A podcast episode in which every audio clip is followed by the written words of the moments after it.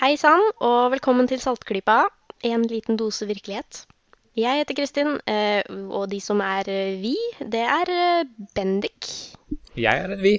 Ja, det er en vi, og en annen vi er Lisha. Vi er vi. We are Groot, som jeg sier om dagen. Og Marit er med.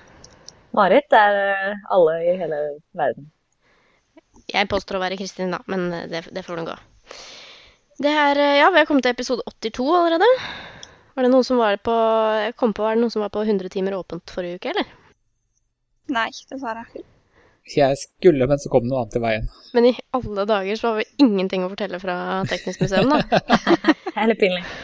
Unnskyld, må var så sykt opptatt av det. Vi fortsetter jo med en del gode feiringer fremover, da. Ja. Det er litt mer Det er noe konferanse i morgen og fredag og litt sånn. Ja, det er bra. Og så er det litt ting som skjer fremover, som, men det skal vi jo ikke si før vi kommer til anbefalingene våre, som er på slutten. For vi eh, i Saltklypa så påstår vi å ha innhold også. eh, og som eh, rasjonelle menneskene vi er, så vet vi at det derfor er vår oppgave å legge frem dokumentasjonen på denne påstanden. Så da må vi vel bare sette i gang med det. Vi skal snakke litt om ja, egentlig vitenskap og pseudovitenskap over hele linja i dag, bare sånn for å holde en litt kjent litt kjent eh, profil. Eh, først skal vi snakke litt om eh, litt sånn nyheter og litt ting som har skjedd i vitenskapens verden og medias verden. Først vil jeg nevne litt sånn mysterier som er løst. Det er jo Oppløftende. Det, det er noen ganger, no, noen ganger så skjer det også. Er dette Kan jeg bare spørre med en gang? Sånn, er dette sånn som den XKCD-grafen? Der han har tegnet en graf, og så er det ehm, Mysteries solved, så er det da én bar, én stolpe, for eh, magic og én stolpe for not magic. Er dette her eh, en som har blitt løst, som endelig gir et datapunkt på magic? Eller er den fortsatt eh, helt drøyt skjev, den grafen? Det, det, den oppgaven gir jeg eh, våre lyttere, å bestemme selv. Make up your own mind. Men jeg tror det er ganske greit å, å finne ut. Nei, altså Dette mysteriet her er, eh, er et av disse sånne klassiske sånn, sånn mysterier som jeg leste om da jeg vokste opp. Og det var det er et bilde som var på en av pappa sine bøker som sto i boker. Jeg tror det var en sånn Det beste mysterier-bok eller et eller annet. Sånn veldig sånn Som jeg tok for å være veldig vitenskapelig, da. Eh, mye litt Kanskje litt eh, kvasi-arkeologi og litt sånn eh, ufo-ting og ja, litt Bigfoot, kanskje. På forsida av den boka her så var det bilde av en svær stein eh, som lå på en sånn svær sånn ørkenslette, eller en sånn tørrlagt eh, innsjø, vet du. Og bak seg så hadde den steinen et langt spor som fortsatte sånn masse, masse, masse, ja, hundrevis av meter. Eh, noe som da tilsa at den, den steinen hadde bare vandret av seg sjøl bortover. Så det er et sånn klassisk bilde. Og det er akkurat det denne saken eh, handler om. Er, eh, vi skal til Death Valley i California. Um, nærmest sendt en liten del som de kaller for Racetrack Playa. Playa er da et annet navn på den der eh, grunnen som de, som de ligger på, disse steinene. Eh, og disse steinene er ofte flere kilo tunge, altså, eh, og de lager spor. Eh, så det ser ut som de bare vandrer bortover uten at noen ser det. Så det, det ser ganske påfallende merkelig ut da, på bilder, så det, det, it invokes mystiske tanker hos oss mennesker. Så da, ja, det har jo vært mange hypoteser. da. Hva tror dere har vært forklaringen på dette her? Maur. Maur! OK? Maur er utrolig sterke da, i forhold til størrelsen, så er det jo noen av de sterkeste dyrene i verden. Jeg får veldig sånne assosiasjoner til Monty Python-utdraget av eh, Holy Grail, hvor de prøver å finne ut hva en heks eier. Jeg vet ikke ja. hvorfor. Det er bare, jeg bare kobler det. Uh, der påstås det at veldig små steiner flyter, nemlig. Ja. Det gjør jo det. ja, det altså Og at de veier det samme som en annen. En veldig liten og veldig flat stein vil jo kunne bli Nei, altså ja, eh, Apropos maur, Bennik, så Jeg vet ikke om du har sett også den, den videoen jeg kom på når du sa maur, eh, som har dukka opp på diverse medier i det siste, hvor du bare ser en hær med maur som frakter en svær meitemark bortover. Og så danner de sånn De danner sånne sånn rep av hverandre. Så de bare De, de har sånne lang sånn lang sånn eh, kongarekke, liksom. Det er helt sykt. Det ser jo ut som robot-armyen fra Outer Space. Det er kjempesært. Men uh, jeg kan si så mye som at ifølge denne forskningen som er lagt frem nå, da, så er det ikke maur. Yes. Um, er det hekser? Ja, det ikke- jeg, er ikke- ja, altså, mange har jo foreslått da aliens, for eksempel. Det er jo klart det, når, man, når noe sånn sært skjer, og mennesket ikke er der for å se det. Så um, kan det jo være aliens. Magnetisme har noen forstått. Eh, og mer sånn jordnære forklaringer, som eh, studenter ved det lokale universitetet som har pranka, pranka eh, oss litt. Det er sånn steinenes kornsirkel. Ja. Jeg tror det også kan være veldig, veldig sterk vind. Vind er faktisk med på dette her. Eh, Nå er jo steinene som sagt opptil ni kilo tunge, men jeg kan faktisk forvirre dere såpass med å si at det er ikke sterk vind. Det kan være veldig, veldig svak vind. Det kan det, men det er veldig, veldig svak vind. Hvis, eh, hvis disse steinene får løfte på seg litt, grann, så vil jo jordas rotasjon ta og dra jorda under dem. Så nå da vil det bli spor. Coriolisvandring, på en måte. Ja, Ja. Coriolisvandring. Nå snakker vi. Her har vi den første konkurrerende hypotesen. da. Det er jo bare å sende inn til uh, Nature. Plus One, som denne eh, var, var publisert i. Nei, altså For et par år siden så ble det jo eh, lagt fram en forklaring da, som var veldig veldig plausibel. Og jeg tror disse som la fram den, var ganske sikre i sin sak. Eh, det har med vind å gjøre, og det har med is å gjøre. På en viss tid av året så danner det seg liksom sånn svær pytt av vann i disse områdene her, disse uttørka innsjøene. Dype nok til å på en måte være noen centimeter, men allikevel grunne nok til å på en måte eksponere disse steinene da, som ligger oppå. Så jeg tror det er i morgentimene så kan det danne seg sånne svære flak av veldig tynn is. Altså noen millimeter tynn is. Og denne isen, de isflakene, de blåser i vinden, vet du. Og når de blåser i vinden og er svære nok, så dytter de rett og slett steinene for seg. Eh, eller foran seg. Og så is blir blåst over sand i verdens varmeste og tørreste ørken, jepp. som da dytter stein. Jeg burde ta en tur til Death Valley en gang og så se det Nei, Det er- You're pulling my leg. Altså, dette her eh, Jeg holder på halvsvevende steiner som eh, blir rotert vekk jorda under. Hjel- Hjulpet av maur. Gjerne hjulpet av meg. Nei, de, eh, du ser også på oversiktsbildet, flyfotoet, så, så kan du se veldig mange steiner på en gang, som har da vandret i nøyaktig samme mønster, som, eh, som gjorde tilsi at det, det har vært én eneste på en måte, kraft da, som har uh, sørga for dette her. Og En, det, en det er- maurtue, en En hel maurtue som må- de, Ja. de samarbeider jo gjerne. Nei, altså Det er en sånn spesiell rekkefølge av eventer da, som eh, kreves uh, for å gjøre dette her. Så først så måtte den uttørra lakebeden, da, som jeg ikke kom på noe ordentlig navn på, eh, må fylles med vann. Eh, som sagt eh, nok til å liksom danne denne her flytende isen oppå, men eh, også nok til, eh, lite nok til å, at steinene titter ut. Og så er det da I ørkenen her så er det jo selvfølgelig veldig varmt, men om natten blir det desto kaldere. Så da dannes den isen. Og så er den Det kalles for, på, eh, kalles for eh, thin sheets of window pane ice. Fordi de er liksom så tykke som en sånn, sånn halv centimeter tykk. Som et vindu, nesten. Så det er akkurat tynt nok at det kan på en måte bevege seg fritt. Eh, men altså tykke og svære nok da, til å måte, være sterke nok til å dytte disse steinene foran seg.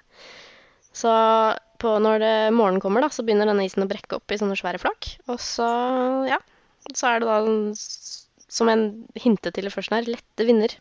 Opp til fem meter per sekund. Så det er sånn, vet ikke jeg, bris, kanskje. Farten dette her går med, det er jo ganske uimponerende. Eh, Men eh, jeg vet ikke, hvis du hadde hatt god tid nok på deg, så kunne du jo sett det. Fem meter i minuttet er det noen som, eh, som påstår her. Det er så gøy når det er liksom sånne helt mystiske ting som folk bare har klødd seg i hodet over i så mange år. Ja. Vi er jo i 2014, liksom, og det var det det tok for oss å finne ut at her er det noe stein og noe is. Liksom. Og så, men, men så er det også greit at noen til slutt tok eh, GPS-en fatt og bare frakta steiner med GPS-er festet på dem. Ja. Og bare forventet verdens mest kjedelige eksperiment. De var liksom forventet å sitte og se i ti år, ikke sant? Men eh, da kom de akkurat på riktig tidspunkt da, til å se dette her. Another point for not magic. Ja, da kan jeg kaste den eh, boka som jeg fant hjemme da jeg var liten. Så er ikke det et mysterium lenger. Vet du hva? Bevar den. Det er morsomt å se hva vi ikke visste før. Så kan jeg nevne en sånn bitte liten ting som jeg kom over som eh, som ikke er så Altså, jeg trodde det var liksom sånn Oi, jøss, her er det nok et mysterium som er løst. Og viste seg at det var liksom egentlig bare en ny hypotese. Det er dette her med hvordan ble pyramidene bygd. Det er også en sånn der typisk mysterium som både vitenskapsfolk og pseudovitenskapsfolk har blitt veldig interessert i. Igjen aliens, veldig populær, um, populær teori der. Kan jeg komme med mine på disse her også? Ja, det kan du få lov til, Bennek. Det er ikke maur. Det er ikke maur, nei. Nei. Men hva hvis det er mange nok, da? Ja, nei, men så koordinert er det ikke. Nei, ok. Hva med rommaur? Ja, nå er du bare helt ute på tur. Ja, jeg vet. Det er, det er bier. Ja, ok da. Bier. Kjempestore rombier. Mm, Nei. Ja. Nei, ok. nei, så det Ja, nei, overskriften på det nettstedet jeg fant dette her på, er litt som sånn i, i, i retning liksom mysterium løst. Men når man leser den, så finner man ut at her har noen kommet med en ny idé for hvordan dette kan bli gjort. da. Så, sånn rent uh, Hvis jeg tar et lite sammendrag, så har de en uh, ganske enkel uh, idé på dette her. Og dette har de da testet ut ved å gjøre det selv, da. Um, så de strapper fast sånne trestaver til en sånn blokk da, som pyramidene besto av. Eh, sånn at profilen til den blokken den går fra å være en, eh, et kvadrat til å være en dodekagon, altså en tolvkant. Og den eh, flytter seg da litt mer lett ved å rulle den bortover. Så de rullet kanskje steinene bortover. Så de lager dem til et hjul. Lager dem til et sånt, ja, litt sånn kantete hjul. De gjør dem til en ball. Mm. Eh, Så grunnen til at det er liksom ikke er enig i det som har blitt tidligere foreslått, da, det er fordi at tidligere modeller har vist seg å sannsynligvis har forårsaket altfor stor trykkrefter på altså disse veiene som de fraktet disse steinene eh, langs. Hvis de så på i forhold til hvor stor trafikk av sånne steiner som ble dyttet eh, i, i forbindelse med bygging av disse pyramidene. For det er jo ganske tunge steiner, og det er ganske mange av dem. Eh, Særlig hvis vi snakker pyramiden i Giza osv. Så, videre. Så ja, der har vi en ny idé. Dere får, eh, hvis dere har noen bedre, kjære lyttere, så får dere komme med det.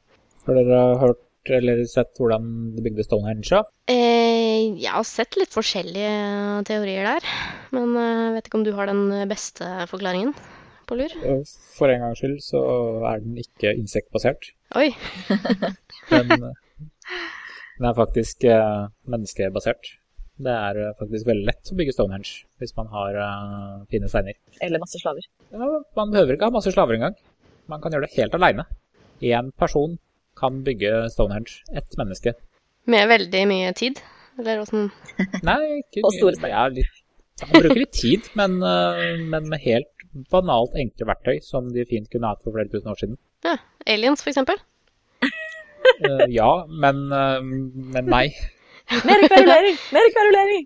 Uh, hvis, uh, hvis de går på YouTube og skriver inn 'homemade Stonehenge', Ha, så kan du nemlig se en video av en fyr som uh, har bygd sin egen Stonehenge i hagen sin. Den tror jeg kanskje du viste Hvilken- meg for sånn seks-syv år siden. Ja, dette her er Det er gammelt. Full skala.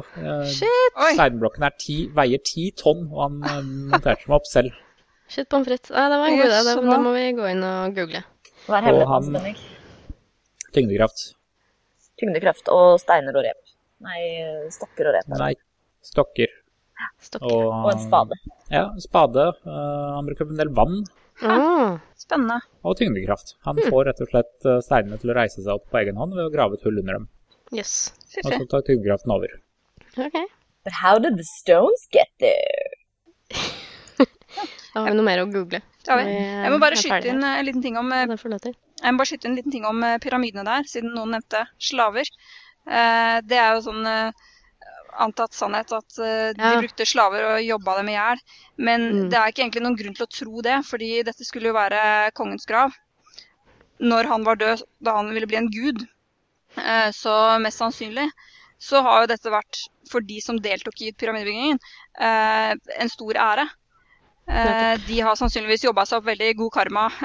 Feil å bruke karma i den sammenhengen, men altså de har sannsynligvis de har gjort en stor ting for en fremtidig gud. Eh, Så jeg tror ikke det var nødvendig å piske folk i hjel altså for å få dem til å jobbe på det der. der. Det tror jeg faktisk eh, kunne vært ettertrakta jobber. For der bygde du opp gode ting i det neste liv. Søren heller, da må Louis C.K. skrive om en av sine svært gode vitser om at humanity can achieve anything as long as they keep throwing slaves at it. Det er jo for så vidt også sant, men jeg tror nok det jobber bedre hvis du tror at uh, du sikrer deg i det hinsidige på et eller annet slags vis, uh, eller enn hvis noen bare står og slår deg. Mm. Jeg tror faktisk det. Yes. Nei, men eh, altså, hvis man finner aliens, så kan man jo prøve å spørre dem om, om lov til å bygge litt vanskelige ting. hvis man vil. Men eh, apropos eh, sånne flyktige, rare vesener som kanskje hjelper oss med å bestemme hvordan byggeverkene våre kommer til, så har vi en sak fra Karasjok, faktisk. Ja, der foregår det tydeligvis mer enn man eh, skulle tro. Eh, dette er kanskje noe som folk har fått med seg, det har jo vært litt i media om det. Ehm, det skal bygges et kontorbygg i forbindelse med Ja, skal høre til Sametinget. Um, og den, det måtte da Det er Statsbygg som skal bygge dette, naturlig nok. Og de Mm. måtte da be om godkjenning fra de underjordiske. De underjordiske. Ja, som da eksisterer eh, oppe i nord etter eh, den samiske tradisjonen. Og det, grunn, måten man gjør det på, er at man sover der man har tenkt å bygge. Uh, I dette tilfellet i en lavvo, da. Um, I en nabo, ja. ja. Ja. Uh, avdelingsdirektøren der oppe i Statsbygg og folk fra byggherren og sametingsdirektøren og ymse folk. Uh, Du må sove på det stedet hvor du har tenkt å bygge, og hvis du sover godt, så betyr det at disse åndene syns det er greit. Og hvis du sover dårlig, så betyr det at de ikke syns det er greit, og da må du bygge et annet sted. Kort fortalt. Ehm, ja. Og denne Ja. avdelingsdirektøren da, i Statsbygg hun sier at både Statsbygg og jeg har respekt for denne samiske tradisjonen og stiller med et åpent sinn. Um... Ja, altså, jeg tenker sånn, jeg tenker sånn at hvis det, er, hvis det er byggefolkene, utbyggerne, som skal foreta denne sovingen, så kan jeg godt tenke meg at de liksom tar kanskje litt lett på det egentlig, selv om de ikke sier det, og sier at ja da, jeg sov som en stein, for eksempel. Ja, altså For meg så blir jo dette her helt fjernt. Eh, altså, jeg, jeg synes det er stygt å le av folks eh, åndelige tradisjoner. Eh, men for meg så er dette altså så fullstendig tomsete at eh, jeg virkelig forstår hvorfor vi etniske nordmenn var i stand til å tyne samene så jævlig i så mange år. Eh, hvis det er dette de har fokus på, så var det ikke rart at eh, vi banka dem, for å si det sånn.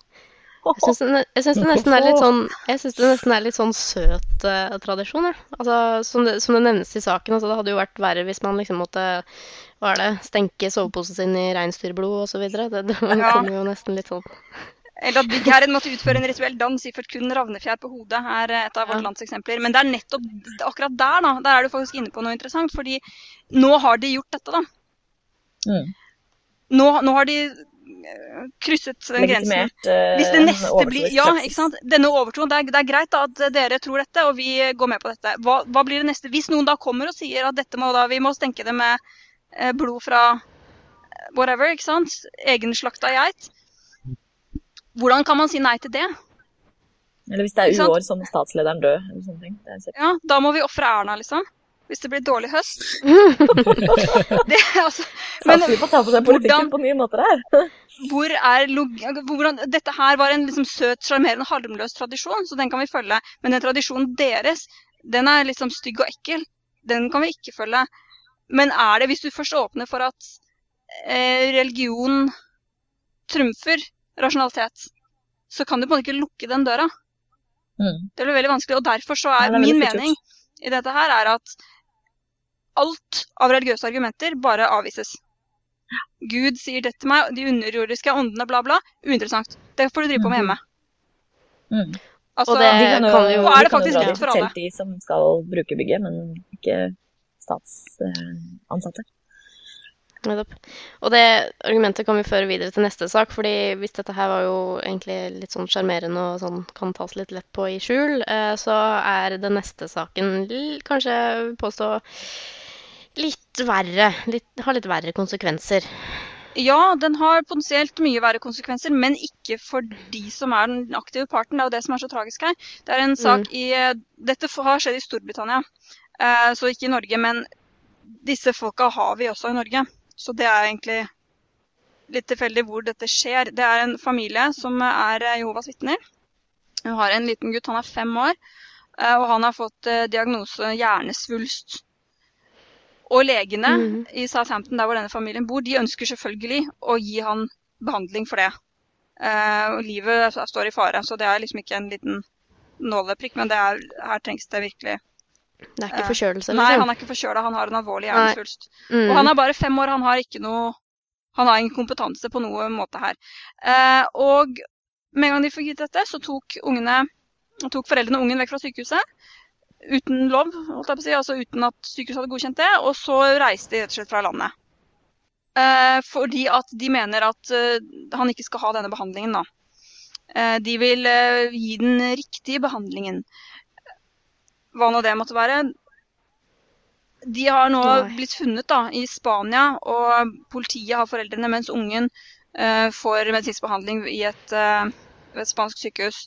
Så sånn sett så ordner det seg jo, men det er en ganske drøy situasjon da, at de rett og slett ja, Hva legene sier, det bryr vi oss ikke om. Vi reiser, for, Også for deg selv så kan du gjøre det. Jeg vil heller be til Gud om å redde meg sant, fra hjernekreften, eller hva det måtte være. Mm. Det syns jeg Hvis voksne folk tar det valget selv, så det er dumt for dem, men, men det som voksen, myndig individ, så har du den retten. Men en fem år gammel gutt, det syns jeg er altfor drøyt. Altså, det er helt riktig i mine øyne at politiet stepper inn her og fratar Mm. dem den ungen. Ja. Nei, for det, det er jo et trossamfunn som er eh, kjent for å nekte blodoverføring, blant annet. Eh, og det vil jo være ganske aktuelt da, hvis denne stakkars gutten skulle trenge hasteoperasjoner og det som verre var. Ja, Han må jo sannsynligvis opereres, da blir det sannsynligvis blodoverføring. Og Mm. han må jo helt sikkert ha cellegift, og det medfører også ofte blodoverføring, for kroppen blir jo veldig Ja. svekka av det. Mm. Eh, Så det er jo meget mulig at det er det de um, ikke kan godta her, da. Men igjen, det kan du nekte for din egen del. Men når det er et lite barn, redd livet hans til han er 18, så får han uh, velge selv da, altså. For du eier ikke ungene dine. Nei, det er jo noe som skjer innimellom det, at, eh, at eh, leger og helsevesen velger andre behandlinger enn det foreldrene egentlig ønsker. Nettopp av denne årsak. Ja, det er, mm. det er jo også barn som har, eh, heldigvis ikke i vårt land, men i andre land, særlig i USA, så er det jo f.eks. foreldre som er Christian Scientists. Jeg er litt usikker på hva det heter på norsk, men jeg vet ikke hvor mye vi har av det i Nei, jeg tror vi har veldig lite av det. Men de er jo, Ja. de, der er det jo ikke bare blodoppføring, men enhver medisinsk behandling nekter jo Ja. de. Og der er det flere barn av Christian Scientists som har dødd, rett og slett fordi foreldre har sittet og bedt. og, Der er det ja. barn som har fått uh, blindtarmbetennelse, liksom, som kunne blitt reddet av et ganske enkelt inngrep. Som bare har krepert. og blitt pint i hjel, rett og slett. Ja. Ja. For det er ikke noen morsom måte å dø på. Nei, Det er det ikke. Så nei, folk bør tenke seg litt om. Eh, hva du gjør med deg selv, så fremt du er i dine sinners fulle bruk. Det får det får stå for den ene kappen. Men umyndige personer, små barn, der bør vi Mm. alle sammen være enige om som samfunn at de de skal få den behandlingen de trenger frem til de er gamle nok til å ta slike avgjørelser selv. Uansett hva foresatte måtte mene. Det burde ikke være noe man diskuterer engang. Og jeg er veldig glad for at uh, britiske myndigheter har grepet inn her. Sånn i den eh, tråden der, så har det jo i flere og flere eh, amerikanske plasser blitt eh, påbudt med vaksiner for å få gå i offentlig skole. Eh, bare sånn Mm. en måte staten regulerer hva, hvilke helsevalg du tar. på. Ja, det også er jo veldig bra. Mm. Det er jo liksom, det er veldig bra, for det er ekstremt Eller det kan jo være kronglete for innmari mange å ha homeschooling. Det er ikke et alternativ. Eller privatskoler, som også er veldig dyre. Yes. Noe som gjør at eh, det blir færre som kan velge option og bare nekte vaksinasjon. Absolutt. Ja, Nei, veldig så bra. dette, er, eh, dette er en ganske ny sak, eh, så vi håper, vi håper at vi får en oppdatering om at det har gått bra. eh, Inntil at ikke det skjer noe videre tragisk Nei, det får vi håpe. dette her. Mm. Neste sak handler om litt sånn hva vi får i oss i kosten. Um, alle er jo overbevist om at D-vitamin er eh, et vidundermiddel, som så mye annet. Uh, bortsett fra forskerne som jobber med det, hevder uh, en uh, ingen ringere enn en professor i medisin ved Universitetet i Tromsø, Rolf Jore, som har skrevet en sak i Aftenposten Viten. Eh, veldig bra lesing. eh, veldig bra innføring i hvordan eh, vitenskap egentlig skal utføres, og hvordan selv vitenskapsfolk og forskningen som sådan kan trå litt feil og ja, sette seg litt fast i gamle tanker. For ja, vi vet jo, fleste av oss vet at D-vitamin er sånn typisk sånn det holder skjelettet sunt. Så det, det må vi ha og sånn. Og det, det har også gitt en rekke medieoppslag da, som lover ganske mye.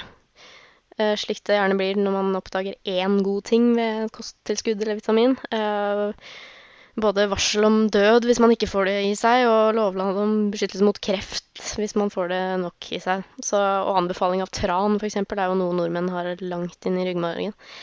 Um, Spørsmålet denne saken stiller, som vi selvfølgelig skal lenke til, eh, så dere får lest ordentlig på den, det er eh, om vi egentlig får for lite D-vitamin. Og det er faktisk eh, ganske gode grunner til at det spørres om det.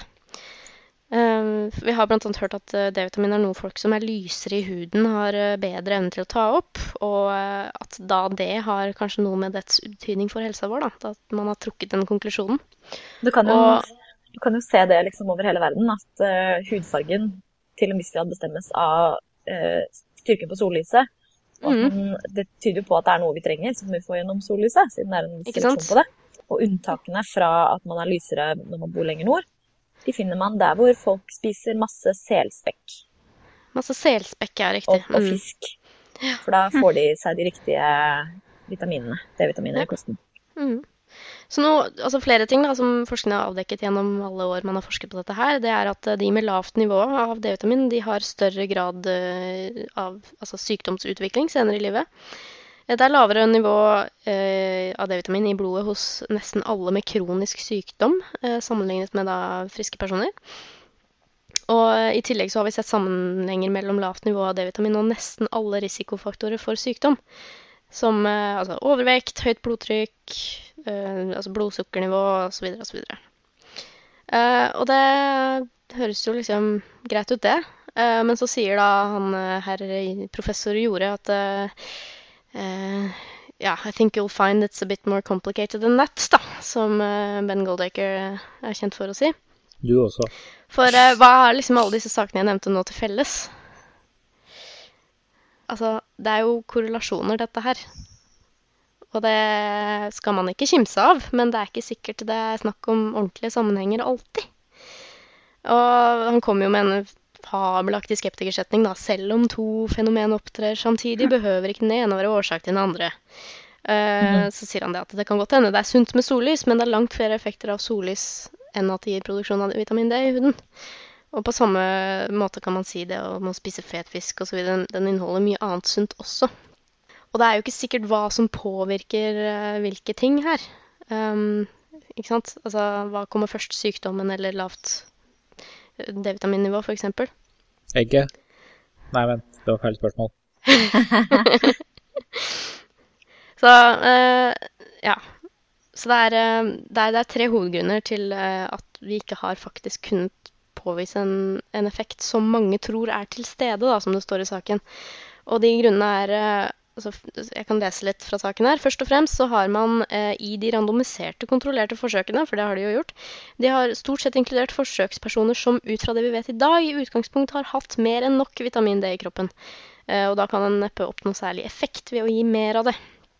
Og grunnen til at de gjorde det, det var jo det at de trodde at eh, vi må ha enda mer vitamin D enn det vi nå har. ikke sant? Og så langt så har jo ikke det vist seg å, å være så riktig. En annen grunn er det at eh, i mange studier så har det brukt altfor lave doser av vitamin D. eh, sånn at effekten som eventuelt hadde oppstått, da, den ville blitt så liten at man ikke kunne fange den opp i statistikken når man har målt etterpå.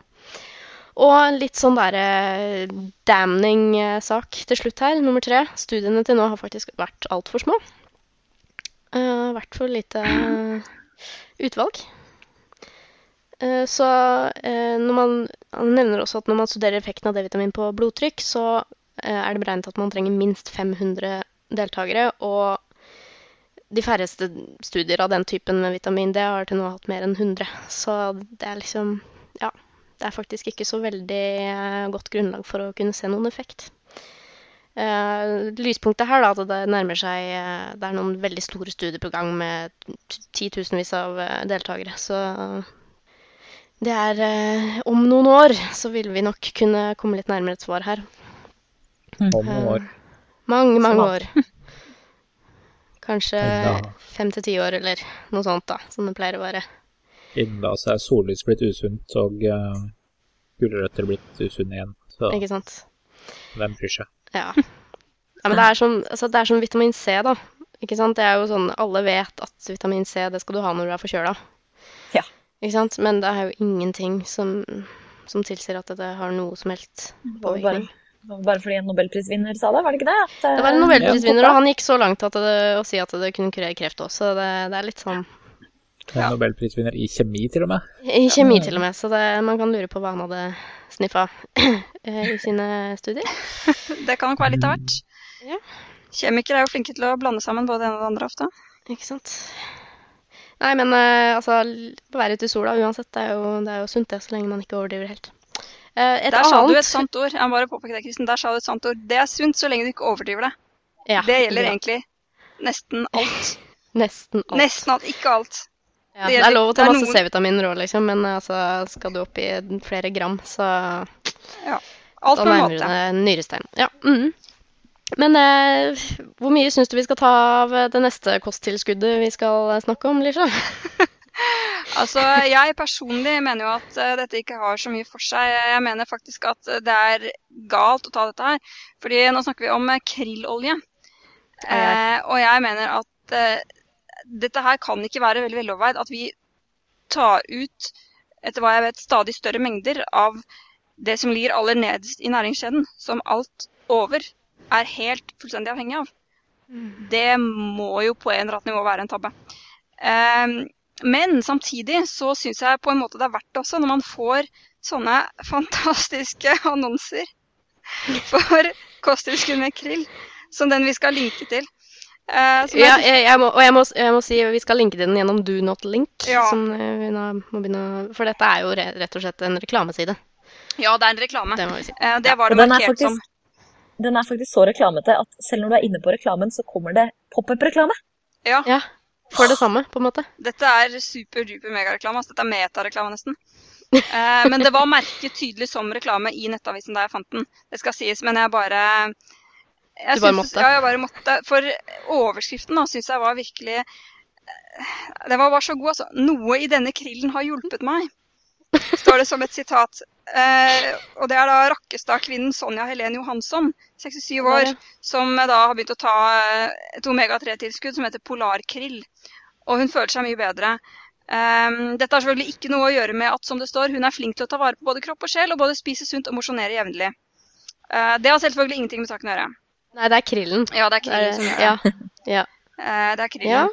Og nei, så den her annonsen, den er rett og slett bare Den er virkelig Den får meg til å smile. Sånn at, eh, hun, det er noe, hun har prøvd andre naturlige kosttilskudd tidligere, sier hun, som man da forstår at hun ikke lenger tar.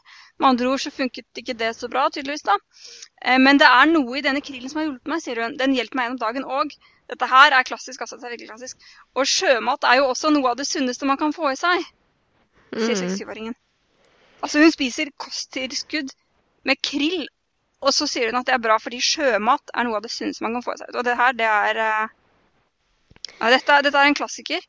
ja. Um, Nei, jeg ser, jeg ser at det blir, eh, blir, blir fremstilt på en ek, en, sånn ekstra folkelig måte, men med Å, ja. litt sånn Jeg syns det har en litt negativ twist, fordi her går man på en måte på kanskje en litt sånn stereotype, da, kanskje. Fordi her er det en person som liksom man, man legger vekt på at det kanskje er en person som ikke er medlem av middelklassen. Drar kanskje litt rundt i campingvogn, spiller litt trekkspill. Ja. Eh, er i den alderen, liksom. Så det virker som om liksom, man prøver å fokusere på de som kanskje lar seg lure litt oftere av sånne ting enn andre, og det syns jeg er litt kynisk, altså. Ja, det her det er jo helt uh, gjennomkynisk. Hvis du leser det bare straight off, så virker jo dette her helt fantastisk. Men som sagt så står det jo ting som at hun er veldig opptatt av å leve sunt, hun trener, hun passer på kostholdet. Så er det jo ikke urimelig at uh, hun Nei, er i god form. Nei, det er en fin helgardering, det er det. Ja. Og det, det, må, det må hun berømmes for. Sånn, ja. Ja, det er jo Det veldig fint for henne, men eh, Mm. altså, her virker det jo som man har Hun har selvfølgelig da fått eh, et tilbud da, eh, om å prøve det, ikke sant? Før hun har begynt å ta det. Og hun kan jo ikke ha satt seg så veldig inn i saken, for altså, hun er fornøyd på utstyr, og hun, hun sier det rensker vel kroppen en del og får ut alt det unødvendige. Jeg kan ikke skjønne noe annet, sier hun når hun skal forklare hvorfor kosttilskuddet fungerer så bra. Altså, får ut alt det unødvendige. Hun vet jo ingenting om noe som helst. Her, jeg må si jeg er Altså- litt fornærmet på vegne av tarmsystemet hennes. Altså. Her er det noe kreditt uh, Ja. som er feilfordelt. her er det jo, altså, Som du sier, da, Kristin, så er på en måte ikke dette Dette er ikke noen legeutdannet person, kan du si. Um, så Nei, det og det er det på en måte ikke vi som påstår, men jeg, jeg påstår at det er disse annonsørene som prøver liksom å, å spille på det, da. ja, altså Det er, det Hun sånn- er en helt vanlig person, ikke sant? ja. Hvor i um, Rakkestad? Ja, Rakkestad. Indre. Østfold og ja. Mm, Er med i eh, Tora- Svingen torader trekkspillorkester. ja. Det er jo flott, men eh, hun har nok ikke kunnskapen som skal til for å kunne gå i dybden da, med hvorfor dette eventuelt virker, eller eventuelt ikke virker. Det er jo Um, det er jo ekstremt vanskelig å orientere seg i eh, verden i dag, liksom. Det er, ja, det er vanskelig med, med å finne informasjon, det er klart. som finnes og sånn. Eh, men du skal hvis si er hun er 67, hun er 67 Ja, år, så hun sitter kanskje ikke og leter etter info på nett sånn må si da. jeg kom over en ganske fornøyelig sak på NRK her om dagen, men det er en liten sånn punchline i det, så jeg vil ikke spoile det. Eh, Men hvis man går på NRK og finner en artikkel som heter 'Nina ble kvitt 4,5 kilo med Puls-Helenes diett', så kan man også Ja. se hvordan man kan eh, orientere seg i helseverdenen. ja, den er helt eh, Den er helt storørtet. Det er det. Nei, eh, som sagt, vi skal sørge for å bruke do not link på den. Eh, men eh, den er jo fornøyelig lesning, da. Ja, den er det. Men jeg må si, du kan få jeg ser her startpakke til 30% rabatt. Vi i Saltklypa kan ikke anbefale deg å slå til på det tilbudet. Så gjør du det, så er det helt på eget ansvar. Ja, men eh, ja, etter at denne saken eh, kommer ut på lufta i neste episode, så kan vi ikke stå inne for noe ansvar hvis dere skulle bli overfalt av en grilloljekjeller på eh, kjøpesenteret neste gang dere er der. Det må vi bare si. Da får dere ha lykke til, alle sammen. En eh, liten saksopplysning før vi går videre, er eh, en pressemelding som kom på eh, hjemmesidene til James Randi Educational Foundation i eh, går morges eller eh, natt til i går eller sånn lokaltid her. Og eh, jeg kan, jeg kan lese den opp i sin helhet, fordi at den er veldig kort. Og det, det, den kom, og den står som, som følgende Los Angeles office closed. In order to achieve cost savings and greater efficiency, the Los Angeles office of the JRF has closed effective September 1st, 2014. All operations have been moved to Falls Church, Virginia. DJ Grothy is no longer with the JRF. James Randi has taken over as acting president. This restructuring is part of an enhanced educational agenda aimed at inspiring an investigative spirit in a new generation of critical thinkers by engaging children and their parents, as well as educators and the general public, in how to think about the many extraordinary claims we hear every day. Så står det kontaktinfo til Jeref. Dette kom jo litt sånn eh, Så jeg holdt på å si Det kom litt forskjellig på forskjellige mennesker. eh, Brått og ikke brått osv. Ja, det er vel riktig å si det. Ja. Um, vil jo si på en måte sånn basert i hvor nøktern den pressemeldingen er, så syns jeg det er svært risikabelt å spekulere i eh, noe som helst årsaksforhold. Vi må nesten bare vente på mer informasjon. Mm. Men når det er sagt Nei da. Mm. jeg syns faktisk ikke vi skal spekulere for veldig mye i, eh, i eh, hva som er årsakene her og sånne ting. Fordi JRF har vært en respektabel organisasjon i mange år, og forhåpentligvis er dette bare en liten bump i veien. Altså med en så eh, nøye formulert og, og sparsom pressemelding, så virker det jo som at det kanskje er noe som ligger bak. Det er, eh, det er nok det, eh, i og med at det på en måte Altså, hvis Ta for eksempel eh, Altså, bare den første delsetningen, da, 'in order to achieve cost savings and greater efficiency', så tyder det jo på at eh, det kanskje har gått litt dårlig økonomisk, og det er jo noen som har funnet ut eh, at det kan stemme, ved å se litt på Det er ikke Tax funnet at det records og så kan stemme, de har funnet ut at det stemmer. Jeg Ja, har riktig. sett eh, PDF av den eh, tax return statement selv, uh, sett regnskapet deres, og uh, basically så er inntektene til organisasjonen gått ned til omtrent 60 av det det var for noen år siden. Mm, Og det er jo ganske betraktelig, så det er ikke rart at det koster en del. I tillegg så kan man se at eh, utbetalingene til man si, causes, altså støtte til andre prosjekter, har vært uh, senket i det siste. Så det virker sannsynlig at det har skjedd noe, men som sagt igjen vanskelig å spekulere. Nei. Det er jo også ikke til å komme fra eh, en del rykter som svirrer om den forhenværende presidenten DJ Grothy og hans eh, arbeid eller fravær av arbeid. Eh, ja, hans evne til å samarbeide med andre da, har kanskje mm, visse mennesker opplevd som veldig uproff. Ja. det finnes, jo, det finnes jo mange historier ute på internett om saker som har skjedd og som er dokumenterte. Men eh, akkurat hvordan dette passer inn i JRF sitt arbeid videre, får vi nesten bare vente med å se. Det er jo Mm. litt påfallende også da, at eh, en 83 år gammel mann har blitt utnevnt til president igjen. eh, Ja, gjennom en sin- organisasjon som han ikke har styrt på, på en god stund. Mm. Ja, for han har jo både Altså, han har jo bare vært sånn styremedlem og, og Ja, opphav til navnet, egentlig, men bare. Ikke, styreleder, men ikke generalsekretær, for å si det. Ja. Mm. Og det har jo egentlig vært en ganske fornuftig uh, greie, det. At han er på en Mm. måte et slags symbol og en sånn overvåker, men ikke har noe sånn direkte Mm. styre, da. Eh, ja, jeg må bare avslutte med å si at eh, det er veldig rart at den pressemeldingen var så kort, og ikke hadde noen uh, f.eks. avsluttende remarks til de som eh, skulle slutte og sånn, f.eks. Takk for arbeidet og sånn. Det syns jeg var veldig rart, for det pleier jo pleier man jo gjerne å ha. Det er jo gjerne standard. Eh, Hvis ikke Det det, har skjedd et eller annet eh, negativt. Er- Selv, til og med, selv om det har skjedd noe negativt, så, så pleier man å sette inn en sånn formell greie. Ja, vi ønsker Sånn ham lykke til videre. Formell. Ikke sant? Uten å si noe pent om er, så sier du um, noe om han. Ja, den virker veldig forhastet, altså. Det, det, det- det spørs om ikke det kommer noe uh, mer etter hvert fra, fra selve organisasjonen. Den har så langt ikke satt et pip. Nei. Nei. vi får Så- som sagt bare håpe at dette er en eh, bump in the road, eh, Ja. bitte liten hiccup fra en organisasjon som har gjort mye bra for bevegelsen, og at de får orden i sysakene sine Absolutt. rimelig snart og kan fortsette arbeidet med å spre det gode ord og drive Million Dollar Challenge og Mm, altså jeg setter JRF veldig høyt på lista over uh, organisasjoner jeg syns er veldig ålreite, og håper ikke at den bare fisler ut, altså. mm. Kan godt uh, få en avslutning en gang, det, det, det er jo mange andre organisasjoner her ute, men, men det at den liksom bare skal Ja, nei, fisle, det, det syns jeg hadde vært litt trist. Mm. Særlig nå som Randy eh, vi, Det kan jo ikke benektes at han nærmer seg sin, sitt livs høst.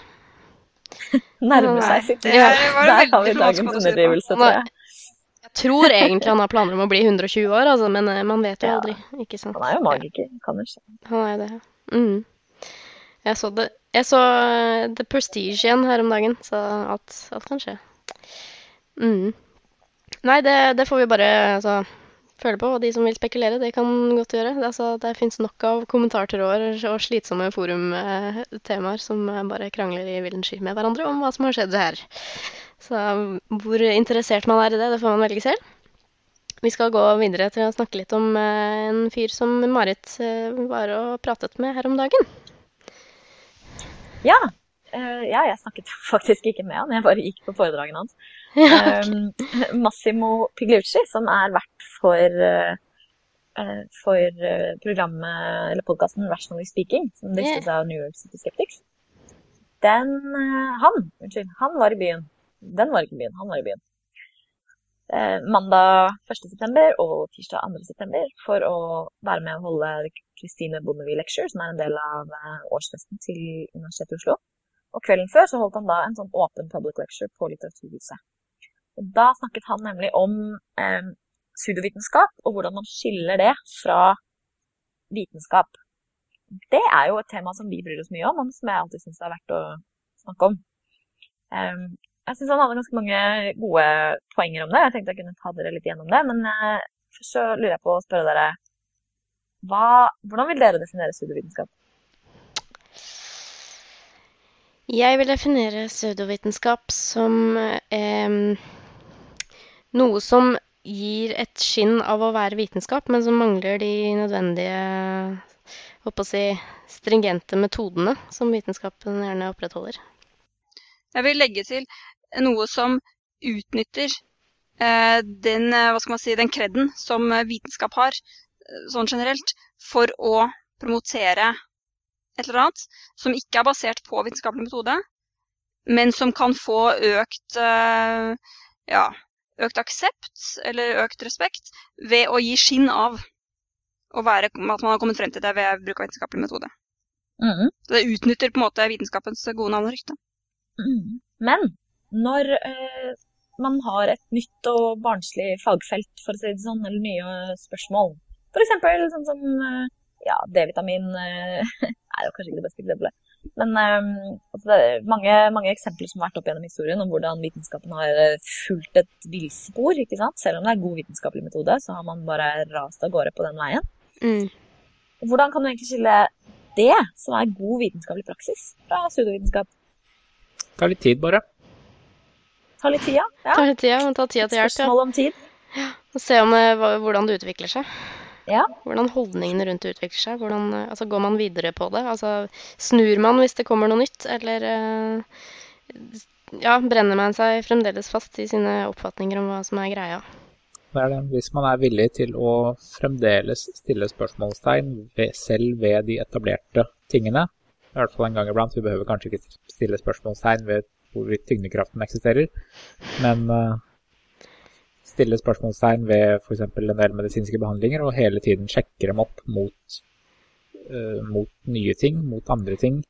Man behøver kanskje ikke igjen sjekke, må sjekke om det funker å spjelke beinbrudd, om det hjelper, liksom. Det gjør det jo, men uh, kan jo si at altså, Selv tyngdekraften har blitt revidert, revidert fordi at, uh, altså, det er bare det at her på jorda så merker vi ikke forskjell på Newtons lover og generell relativitetsteori. Så for all, alle intents and purposes så kan man fortsette å bruke Newton her på jorda.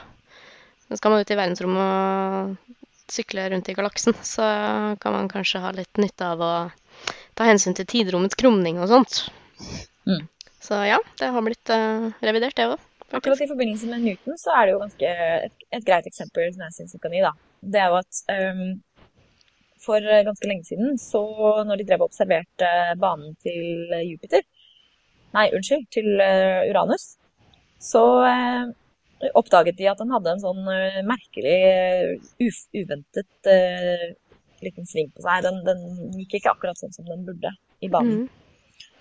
Og basert på det så var det noen som lagde en hypotese om at uh, hmm, kanskje det, det, er nesten som at det er en planet til der ute. En planet utenfor den igjen, ja. Som trekker på den. Og så lette de etter den, så etter den der den burde være, og sannelig der var den. Og det var Neptun. Mm. Slik fant de Neptun. Og så gikk det en del år, og så oppdaget man en samme type sånn avvik i banen til Merkur. Og så tenkte de hm, dette må jo være en uh, samme type liksom, med Neptun. Vi, her er det sikkert en planet som vi ikke har sett. La oss lete etter den. Den var jo så etablert at den til og med hadde et navn. Som dere sikkert vet det er. Vet dere det? Eh, ja, Vulkan, var det ikke det? Eller Vulkan, det? ja. ja. Eh, og de lette jo etter den planeten i flere år. Eh, men det, det, var jo en vitenskapelig uh, endeavor, en vitenskapelig forsøk. Men det var feil. Og hvis man på en måte ikke hadde klart å finne den andre forklaringen, som er at eh, det var noen relativistiske effekter på den, altså Newtons eh, lover var upresise her, så mm. ville man jo ikke visst det. Da ville man jo fortsette å lete med den, og vi ville jo sagt at det finnes en planet her, vi bare har ikke sett den. Hvordan mm. Altså, mm. det å skille vitenskap fra pseudovitenskap er ikke alltid så lett. Fordi så godt som alle kriterier du setter for å definere pseudovitenskap, kan du også finne tilfeller av til eh, vitenskap. Mm. I vitenskapen, mine. Så det, så det, er liksom ikke bare bare.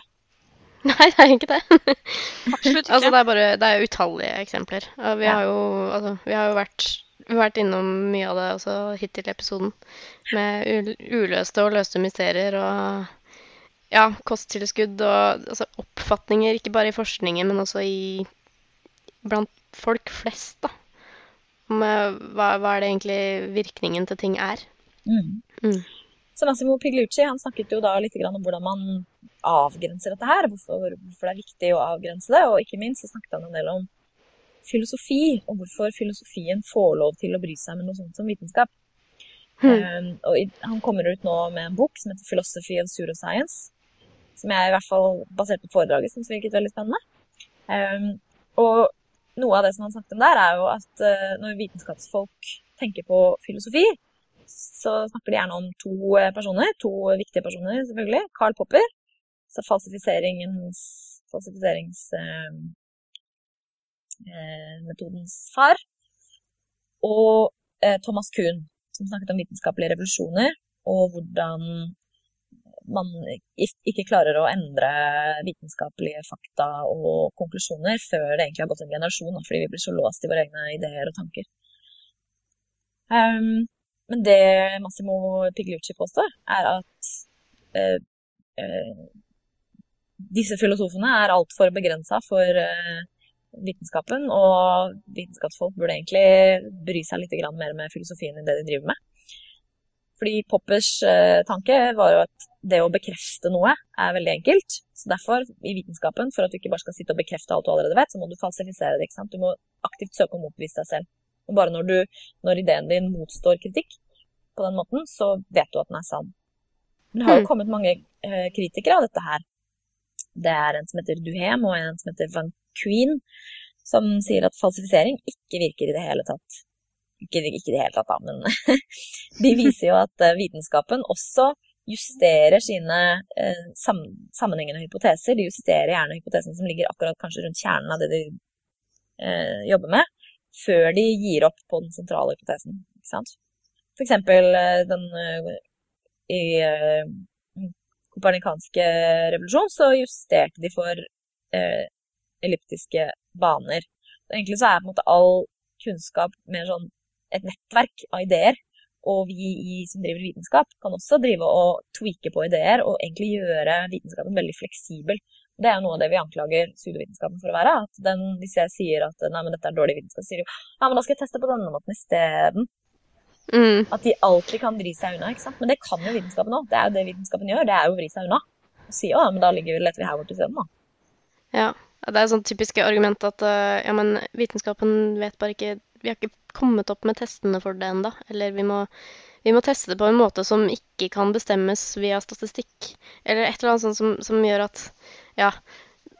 Altså, det Mm. de, har, de, har på en måte ikke skjønt hva vitenskap er, da. Det, altså, den vitenskapelige metode er jo per def en, en, den metoden som gir mest riktig svar på hvordan Mm. verden funker. Og så påpekte han også at eh, hvis du putter ganske mange vitenskapelige prosesser inn i en datamaskin, eh, f.eks. den her Merkur-anomalien inn i Mm. en datamaskin, så vil jo den drive og lete etter vulkanplaneten veldig lenge. Mm. Og den vil ikke klare å ombestemme seg, men det kan vi gjøre. Så han sier at det kan jo hende at vitenskap egentlig nesten er mer som en kunst enn det er liksom en sånn objektiv uh, form. Ehm, men det mest nyttige som jeg syns han kom med, var at egentlig så trenger man ikke å definere pseudovitenskap sånn klart og tydelig sånn som man definerer at vann er lik H2O. Altså en eh, både en begrenset og tilstrekkelig måte å definere det på. Snakket om at det også finnes et begrep eh, som, eller hvor man kategoriserer i familier. Eh, og det er en sånn type klassifisering, sånn type eh, defineringsmetode som eh, minner litt om det veldig kjente, sitatet fra den rettssaken om eh, pornografi for, lenge, for mange år siden, hvor dommeren sa eh, Når han ble spurt ja, hva er egentlig pornografi, så sier han eh, jeg vet ikke helt, men eh, I know it when I see it. Og det er jo litt sånn som mange føler om, om uh, pseudovitenskap. Point of, point of order. ting Det var ikke pornografi, pornografi som var definert på den måten. Det var obskønitet. Obskønitet, ja. Riktig. Sier du det? Ja. Ja. Pornogra pornografi var ganske lett å definere. Jøss, da, da, det må jeg si, det er innarbeida, det sitatet, altså. Um, men i hvert fall så er det også en måte som man eh, logisk og redelig kan definere fenomener på. Ved å si at de er i familie med hverandre. Det er en sånn familieklassifikasjonsmåte eh, å, jobbe på. Eh, og f.eks. spill er en annen type fenomen som er i, i eh, familie. Du kan ikke enkelt definere spill. Fordi alle kriterier som du kan sette opp for at noe er et spill, det kan du også finne i andre deler av verden. Og hvis du prøver å begrense det, så kan du også finne eksempler på andre plasser, eller et spill som ikke passer til den begrensede definisjonen. Um, ja, så han snakket da mye om hvordan uh, det egentlig er mer sånn noe vi må forstå, som er litt sånn fuzzy. Vi må bare forholde oss til at det er sånn. Ja, og det har vel kanskje vitenskapsfilosofer litt lettere for å gjøre enn eh, hvis andre ja. Eh, hard science-formidlere. Sånn som han har jo en sånn feide halvveis gående med Neil deGrasse Tyson etter at han uh, sa litt sånn stygge ting om filosofi under programmet sitt Kosmos. Ja, det nevnte han. Det, det nevnte han dagen etter, faktisk. At det er blitt en sånn trend, nesten, at uh, vitenskapsfolk disser filosofi. Mm. Og uh, han sier at det er, en, det, er en, sånn trend, fordi før så hvis man tenker på liksom den store de to kulturer-debatten som var for sånn 50 år siden, når, når, man påpekte at ja, hvis du spør folk på en fest hva er Newtons andre termodynamiske lov, mm. så Eller bare ikke Newtons, what's the second law of thermodynamics? Så vet de ikke det. Og det er jo i vitenskapens verden omtrent det samme som å si at du ikke har lest Shakespeare. Eh, nei, det, ja, ikke sant når dette ble påpekt, så, så, gikk det jo en liten sånn bølge gjennom verden at shit, vi disser jo egentlig vitenskapen. Og nå er det motsatt, da. Nå er det vitenskapen som disser humaniora mm. hele tiden. Hele tiden. Mm. Og gjentatt. Både i høyere utdanning og, og alt sånt. Mm. Men uh, ja, dagen etter hadde han et ganske godt forsvar for at filosofi og vitenskapens filosofi er viktig. Men det tror jeg kanskje vi får ta en annen gang. Ja, det, det, tror jeg. Vi får håpe vi kan få tak i Neil deGrasse, da, så kan vi snakke med han på Saltklypa. ja, om filosofi. Uh. Det hadde vært fint. Det er drømmen. Det er drømmen, det er det. Anyway, jeg tror vi skal runde av snart, fordi at nå har jo vi prata og prata, vi nå. Ja, så mye som skjer. Går. Går. Ja. Men det var i hvert fall, jeg kan jo bare si tittelen på boken hans en gang til. da. Ny bok. Ja. Massimo Pigliucci og Morten Bodry, eller noe sånt nå. 'Philosophy of Pseudoscience'. Og han snakket også litt om eh, et sånt prosjekt han har, som sikkert flere har fått med seg, som heter Scientia Salon. Som er et sånt bloggprosjekt hvor han får flere eh, meningsmotstandere og folk med ulike synspunkter til å skrive innlegg. Han sa at det var veldig god debattkultur. Det er veldig god, god eh, kommentarkultur, for han eh, modererer heftig. Yes. Så det kan være verdt å sjekke ut. Det skal jeg gjøre. Han har også skrevet en bok som heter 'Nonsense on Stilts', som også er en sånn derre ganske god innføring i nonsens, rett og slett. Forskjellige eksempler på det. Er det noen som har noen eh, anbefalinger? Jeg har, lyst, jeg, jeg har lyst til å komme med en sånn ting som skjer i Oslo igjen, som, som jeg har fått med meg, som jeg har veldig lyst til å dra på. Det er Kjettersk kjeller, som er eh, førstkommende tirsdag når denne episoden kommer ut, altså 9.9. Da skal de snakke om eh, Sions vises protokoller. Som vi jo alle vet er eh, protokoller som vi setter veldig høyt her i Saltklypa. Det syns jeg. Kanskje nevne hva det er. Det, er, eh, det pleier å være artig. På fabrikkert uh, Sions visesprotokoll er en sånn fabrikkert uh, dokument som er ment å være uh, jødens uh, ultimate maktovertagelsesplan. Ja, ta over verden-plan, rett og slett. Men så fins det ikke. Eller, den er fabrikkert. Har vi fått beskjed av våre styresmakter å si. Vi kan jo også minne om eh, Folkeopplysningen, som begynner mandag 7.9.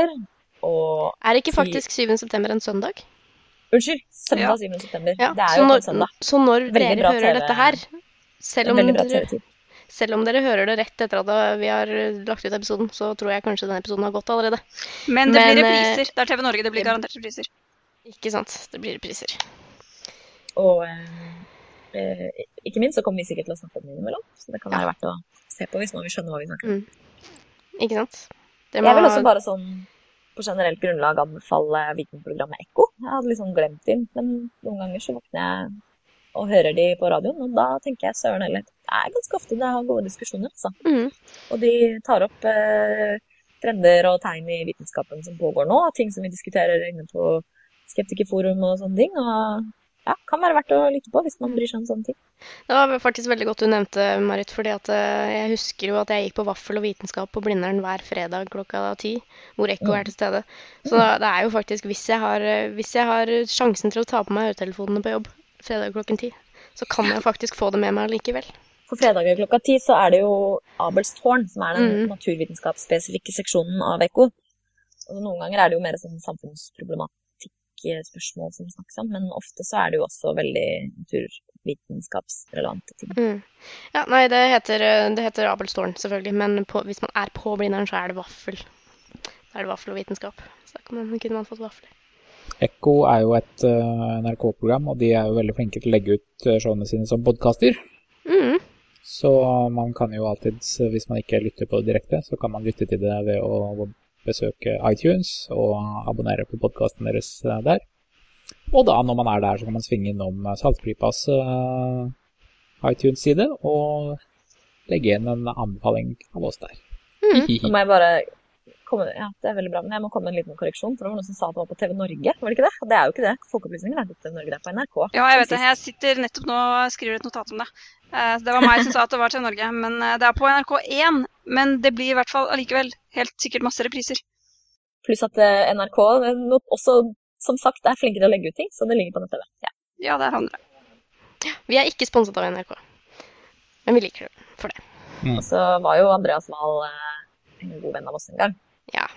Ja. Før han ble er stjerne. og, øh, og slapp en kritisk pressemelding og Nei da. Han, han er jo en av uh, Saltklypas grunnleggere, så um, han må vi ikke glemme. Men ja, det, da har dere fått deres dose av rasjonalitet og, og virkelighet. Så da skal vi runde av, og så ses vi egentlig ja, om et par ukers tid, gjør vi ikke det? Sats på det. Da får vi si ha det, da. Vi høres. Ha det. Ha det, ha det. Ha det Ha det.